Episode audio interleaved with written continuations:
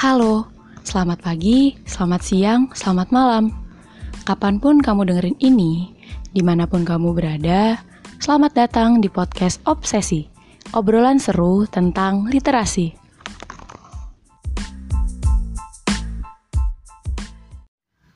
Halo teman-teman, apa kabar nih semuanya yang dengerin podcast Obsesi kali ini? Apakah teman-teman masih survive di 2020 atau udah apa hampir-hampir melambaikan bendera putih gitu ya ke kamera? Ya pokoknya semoga teman-teman semua tetap survive lah gitu di 2020 yang rasanya mulai dari mulainya gitu ya 2020 ini cuma Januari, Februari, Maret terus udah gitu ya. Selanjutnya adalah kita tidur rasanya gitu. Tahu-tahu karena udah September yang jarak dari Maret sampai September tuh kayak wah nggak kerasa banget dan melelahkan lah ya kalau menurut aku sih uh, lumayan melelahkan di tengah semua kegiatan yang virtual, kegiatan yang daring, kegiatan yang online, tralala terilili gitu ya pokoknya uh, menurut aku online gini lebih menghabiskan banyak energi gitu ya kalau dari aku gitu. Mungkin teman-teman ada yang lebih suka ya uh, silahkan gitu. Tapi kalau aku tuh merasa daring gini nih lebih capek gitu. Tapi ya mau gimana lagi gitu kan karena kita nggak boleh egois untuk memaksakan kita pengen tetap berkegiatan seperti normal. Karena um, kemarin itu beberapa hari lalu asumsi itu udah ngerilis gitu ya.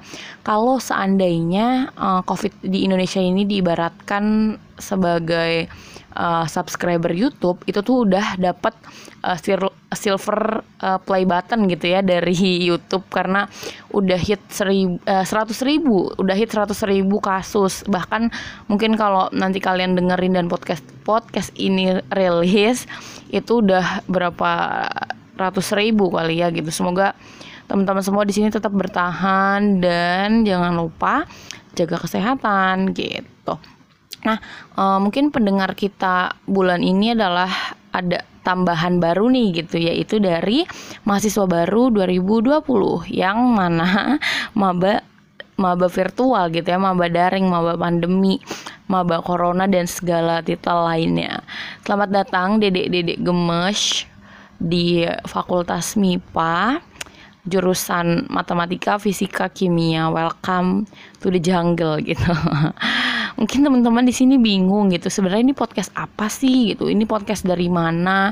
Ini uh, podcastnya ngapain aja? Terus yang ngomong-ngomong nih siapa sih? Nggak jelas banget gitu ya. Jadi aku izin uh, jelasin sedikit. Podcast ini adalah podcast obsesi uh, obrolan seru tentang literasi dari Kementerian Sosial Politik BEM KMI Pak Unsut Kabinet Mercusuar gitu.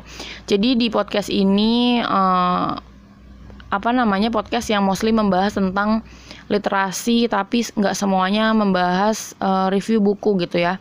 Ada yang uh, peringatan hari besar, terus ada yang uh, bareng sama apa namanya universitas lain, terus ada ngobrol-ngobrol santai lah gitu sama anak-anak sospol. Pokoknya teman-teman dengerin aja di episode-episode sebelumnya gitu. Kalau teman-teman masih bingung silahkan boleh banget nanya ke narahubung sospol yaitu ke Andika. Oke teman-teman?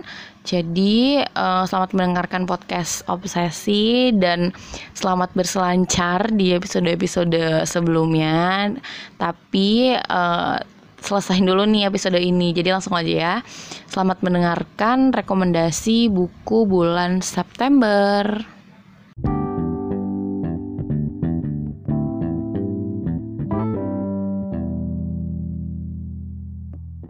Halo teman-teman semuanya, ketemu lagi bareng aku, Cindy Seliani, uh, salah satu staf Kementerian Sosial Politik Kabinet Mercusuar.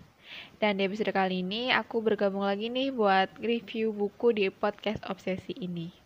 Dan kali ini aku bakal bawain buku karya dari Ibu Esti Susanti Hudiono dan Seroni Bojawati yang berjudul Perempuan-Perempuan Menggugat Literasi Rupa Sejarah Perempuan Indonesia. Nah, mungkin kalau teman-teman ngikutin konten dari Sospol, kita dari Sospol beberapa kali mengangkat isu mengenai perempuan. Di mana kita angkat isu ini karena keresahan kita terhadap keamanan dan keadilan kaum perempuan di Indonesia. Dan seperti kita tahu, posisi perempuan selalu dalam bahaya, di mana pun dan kapan pun. Karena tak menghilangkan realita dan data, perempuan selalu bisa jadi korban kekerasan dan pelecehan seksual. Hal ini tentu saja sangat memprihatinkan, karena perempuan juga manusia yang mempunyai hak untuk hidup nyaman dan aman. Dan gak hanya itu, dalam tingkatan lainnya, misal dalam pendidikan, pekerjaan, ataupun keluarga, terkadang perempuan masih diposisikan berbeda dengan yang lainnya. Dan langsung saja, aku bakal sedikit bercerita mengenai gak bercerita sih berbicara mengenai penulis di buku ini yaitu ada Mbak Seruni Bujawati yang merupakan seniman perempuan inspiratif Indonesia. Mbak Seruni ini sangat aktif dalam berkarya terutama dalam melukis.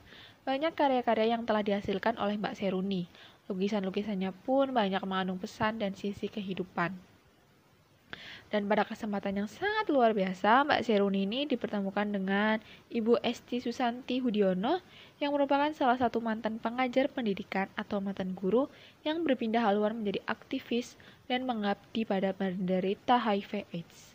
Hal itu beliau lakukan karena penting bagi penderita HIV AIDS ini didampingi. Dan beliau juga membantu menanggulangan penyebaran HIV AIDS di Surabaya. Dan dari kedua orang hebat ini, Mbak Seruni dan Ibu Esti, lahirlah sebuah karya yang disuguhkan dengan lukisan-lukisan, lukisan dan goresan yang memiliki syarat makna tersendiri. Dan singkatnya, perempuan-perempuan menggugat ini lahir karena bentuk keresahan mengenai kemungkinannya resiko perempuan dihilangkan dari peradaban sosial. Dan oleh karena itu, kita semua harus bisa dan lagi mempresentasikan para tokoh perempuan dan kiprahnya di ruang publik. Dan perempuan-perempuan menggugat ini adalah salah satu juga bentuk legitimasi dan proklamasi untuk para tokoh perempuan di masa lalu, dan sebagai bentuk penuntutan masa depan yang harus adil dan setara. Dan selain itu, dengan literasi rupa yang disuguhkan kali ini pun uh, mengenalkan kepada perempuan Indonesia bahwa seiring perkembangan dan kemajuan zaman, perempuan semakin disebut namanya, dan kita sebagai perempuan harus bisa menunjukkan daya cipta kreativitasnya, dan serta bisa mendapatkan ruang yang patut untuk diperhitung, diperhitungkan dan disetarakan. Lukisan yang ada di buku ini juga dipamerkan loh pada pameran Tunggal Seruni Bojawati yang sekaligus menjadi tempat peluncuran buku perempuan-perempuan menggugat. Literasi rupa ini sangat menitik beratkan pada kemerdekaan aktualisasi diri sebagai perempuan untuk menjadi diri yang seutuhnya. Dan hal ini pun menjadi inspirasi bagi Mbak Seruni untuk lebih memvisualisasikan para perempuan pemimpin dalam wujud lukisan yang identik dengan guratan, garis, serta atribut-atribut simbolis. Uh, karya lukisan Mbak Seruni ini tuh terdiri dari 29 tokoh sejarah perempuan lintas zaman dan 29 tokoh sejarah ini itu hidup antara rentang 833 sampai tahun 2019 dan dikategorikan dalam 9 zaman yaitu prakolonial, VOC, Hindia Belanda, Jepang, masa perang kemerdekaan, liberal, demokrasi terpimpin, Orde Baru, dan reformasi. Kesemua tokoh ini dilukis oleh Mbak Seruni dalam semangat menghidupkan yang terlupakan.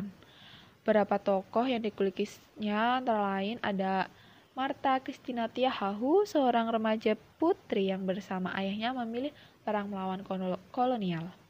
Dan ada juga Marsinah, perempuan buruh pabrik yang berjuang memperbaiki nasib buruh perempuan yang juga menjadi simbol perjuangan buruh perempuan di Indonesia hingga saat ini. Dan aku juga bakal mm, membicarakan mengenai pendahuluan di buku ini, pendahuluan narator yaitu ada ya uh, tokoh emansipasi wanita yaitu Raden Ajeng Kartini yang bercita-cita untuk menegakkan kesetaraan dan keadilan perempuan. Dan cita-cita tersebut sebenarnya sudah tercapai di mana dengan adanya presiden, menteri, gubernur, bupati, wali kota, dan maraknya kiprah perempuan di ruang publik saat ini itu menjadi salah satu bentuk cita-cita Raden Ajeng Kartini yang telah terwujudkan. Karena banyak juga kan perempuan-perempuan inspiratif, perempuan-perempuan yang sangat keren lah pokoknya yang hidup di era sekarang. Namun di sisi lain di sisi lain kenyataan problem, problematika kesetaraan dan keadilan itu masih membayang-bayangi dunia perempuan, terutama dalam sistem patriarki yang masih ada hingga saat ini. Contohnya saja mengenai mobilisasi emak-emak untuk memenangkan gubernur dalam Pilkada DKI Jakarta tahun 2017 lalu. Dan hal ini sangat menyetak kesadaran banyak orang. Ada juga mengenai hasil riset Leli Andria Santi yang dimuat dalam jurnal perempuan Agustus 2018 menemukan ibuisme dipakai oleh Islam politik dengan ideologi patriarkisme. Islam politik ini berhasil memobilisasi emak-emak melalui simbol kemurnian, agama, melalui sikap tubuh perempuan yang harus diatur, mudah dikontrol dalam ke dalam kemenundukan dalam sistem patriarki. Mama ini menjadi militan di bawah kendali laki-laki sebagai pemimpin mereka. Cara mobilisasi yang murah namun mengandung bahaya dan mengakomodir perubahan sistem demokrasi di bawah Pancasila dengan bineka tunggal ikannya ke sistem lain. Hal ini menjadi alarm terhadap masalah yang dihadapi Indonesia terkait dengan penggunaan perempuan dalam politik masalah perempuan yang belum terbebas untuk jadi dirinya inilah yang harus dipecahkan oleh dunia pendidikan. Dan hal ini juga harus bisa menjadi subjek otonom di mana persoalan kunci yang belum terpecahkan secara tuntas di Indonesia hingga saat ini. Penyebab terletak dalam sistem patriarki ini mengsubordinasi perempuan. Patriarki yang beroperasi inilah yang harus dipertanyakan dan dipersoalkan karena dapat menjadi musuh demokrasi yang di dalamnya mengandung nilai kesetaraan. Untuk itu, melalui studi literatur dan dialog dengan mereka yang paham tentang tokoh perempuan, Ibu Esti mengangkat lagi mengenai semangat perjuangan perempuan-perempuan lintas zaman dalam melawan penindasan dan ketidakadilan yang ada di keluarga, masyarakat, ataupun di negara ini. Dan melalui studinya, Ibu Esti menemukan banyak hal-hal reflektif Salah satunya adalah bahwa feminisme justru justru ada di tatanan lama Nusantara. Misal saja pada zaman sebelum penjajahan terdapat tokoh-tokoh yaitu Pramo Pramodawarhani, Gayatri Rajapatni, Rainha Bokiraja, dan Malahayati di mana keempat tokoh ini dengan prestasi yang begitu kuat menjadi dasar untuk melakukan perbandingan reflektif dengan zaman berikutnya atau zaman sekarang. Kisah mereka memberi kesan perkasa sekaligus pembuktian atas proposisi Peter Carey tentang adanya tatanan kuno yang memberi ruang luas pada perempuan untuk berperan di ruang publik. Dan masih banyak lagi tokoh-tokoh perempuan menggugat sejak zaman prakolonial hingga reformasi yang bisa kita refleksikan di zaman sekarang. Karena perempuan juga punya ruang untuk berproses, meningkatkan kualitas, dan melawan ketidakadilan di ruang publik era ini. Dan adapun harapan dari buku ini adalah kepada kita, generasi muda, yang harus bisa selalu memetik pelajaran hidup pada setiap tokoh inspiratif, tokoh motivasi, dan tokoh-tokoh lainnya. Dan dengan pengalaman dan pemikiran dari tokoh-tokoh hebat ini, kita bisa merefleksikan diri untuk lebih baik ke depannya dan lebih baik untuk lingkungan sekitar. Nah, itu sedikit review buku dari buku Perempuan-perempuan Mengugat Literasi Rupa Sejarah Perempuan Indonesia ini. Dan buat teman-teman yang lagi ingin mencari suatu sosok inspiratif, sosok sosok uh, yang men yang bisa menjadi energi positif baru bagi kalian, kalian cocok banget buat nonton perempuan-perempuan menggugat ini. Gak hanya perempuan yang bisa membaca ini, laki-laki juga bisa baca. Karena semua buku bisa kita baca walaupun itu hanya fokus pada perempuan ataupun fokus pada laki-laki. Tapi kalau misalnya kita ingin belajar dan meningkatkan literasi kita, kita bisa kita semua bisa baca buku ini karena tokoh perempuan ini juga bisa jadi suatu refleksi bagi laki-laki agar bisa belajar mengenai apa sih itu kesetaraan di era ini.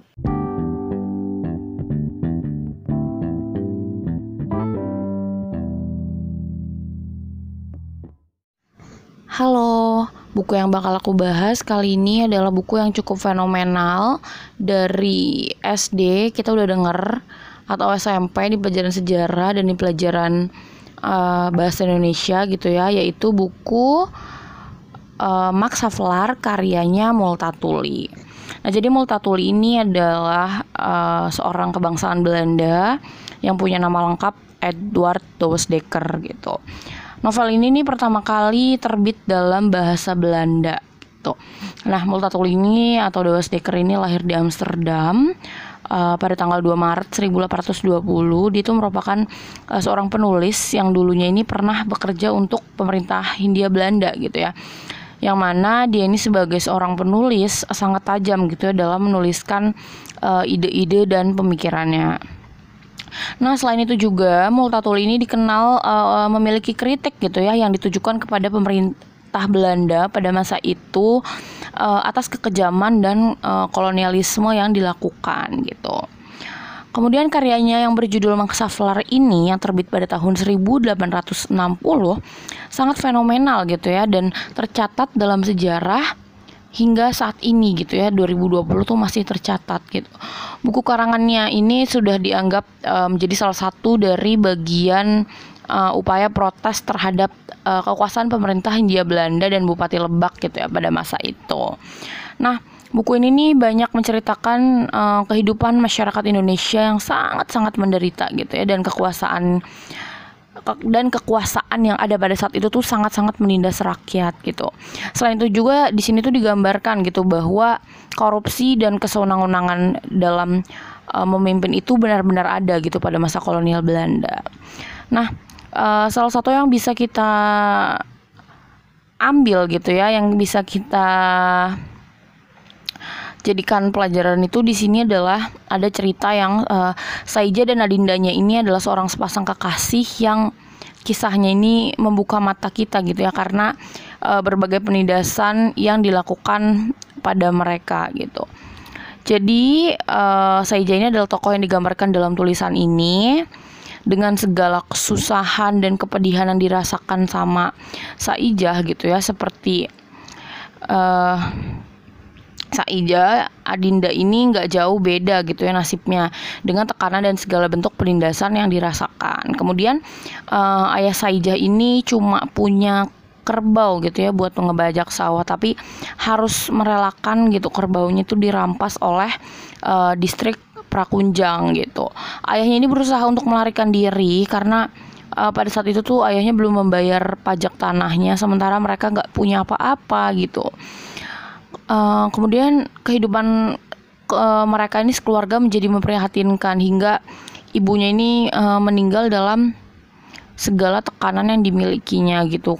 Nah, kemudian ketika istrinya meninggal, ayah Saijah ini nih meninggalkan Lebak gitu ya menuju Bogor buat uh, mencari pekerjaan. Kemudian uh, dia ini dihukum gitu ya dengan rotan karena dia ini udah meninggalkan Lebak tanpa izin gitu dan dijebloskan ke penjara dan tak lama pun uh, ayahnya ini meninggal gitu ya di ruangan selnya bisa dibayangin ya betapa kejamnya pada saat itu di apa namanya di penjara gitu. Kemudian akhirnya Saijah pun mengadu nasib e, merantau, meninggalkan Adinda dan berjanji gitu ya bakal kembali buat e, menikahi Adinda.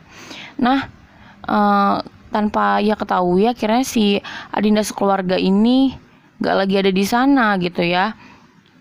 Mereka ini melarikan diri dan uh, bersembunyi gitu ya. Kemudian uh, ketika Saijah ini udah pulang merantau gitu ya kok nggak ada nih si Adinda? Ke mana nih? Gitu. Kemudian dengan segala uh, keputusasaannya dia kemudian mencari Adinda hingga ke Lampung gitu ya nyebrang dari Lebak ke Lampung. Kemudian di sana dia uh, mencoba ikut bertempur gitu ya bersama segerombolan orang Banten demi mencari Adinda ini gitu.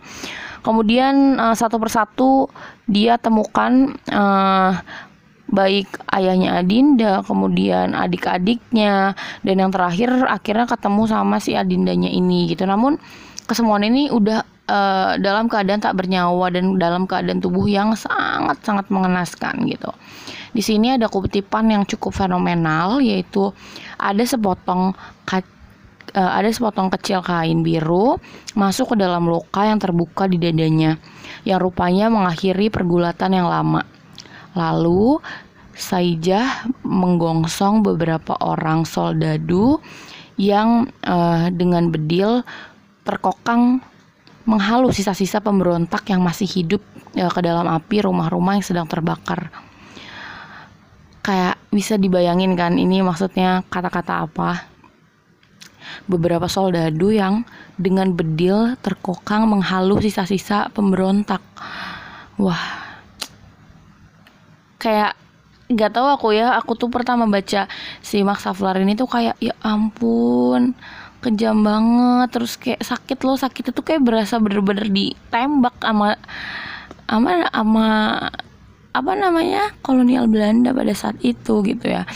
Kemudian uh, novel ini juga menceritakan tentang uh, kekuasaan pada masa itu dan sangat-sangat uh, menderitanya gitu ya keluarga-keluarga yang hidup di Lebak karena uh, Havelar dan istrinya ini telah terbiasa hidup susah bahkan sejak di uh, pelayaran gitu ya dengan kapal Arab. Kemudian mereka ini memiliki dek gitu sebagai tempat beristirahat dari panas maupun hujan gitu udah kayak rumah lah intinya gitu Kemudian Multatuli ini merupakan seorang asisten residen di Hindia Belanda yang menuangkan pengalamannya ke dalam tulisan-tulisan. Kemudian ia membela masyarakat pribumi yang tertindas atas uh, tindakan-tindakan yang dilakukan oleh para atasannya gitu ya orang-orang Belanda.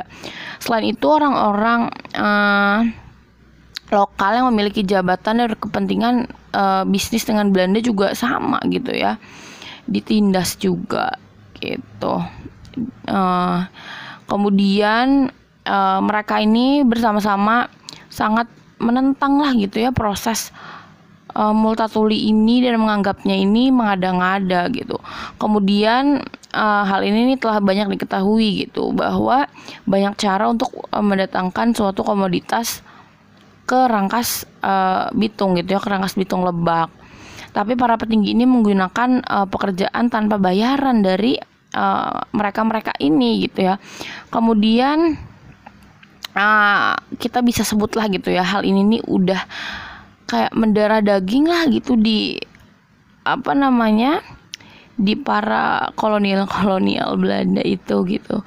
Kemudian uh, banyak lagi gitu ya di Lebak ini yang barang-barang itu dibeli sangat sangat sangat murah gitu ya.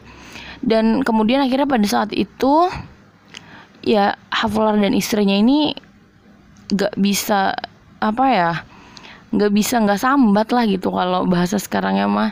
Tapi dia tetap sabar tapi ya hidup dalam uh, kesusahan gitu ya di masa itu. Gitu sih dari aku mungkin reviewnya segitu aja banyak banget. Karena novelnya tebel jadi uh, aku nggak bisa review semua karena nanti bakal panjang banget waktunya.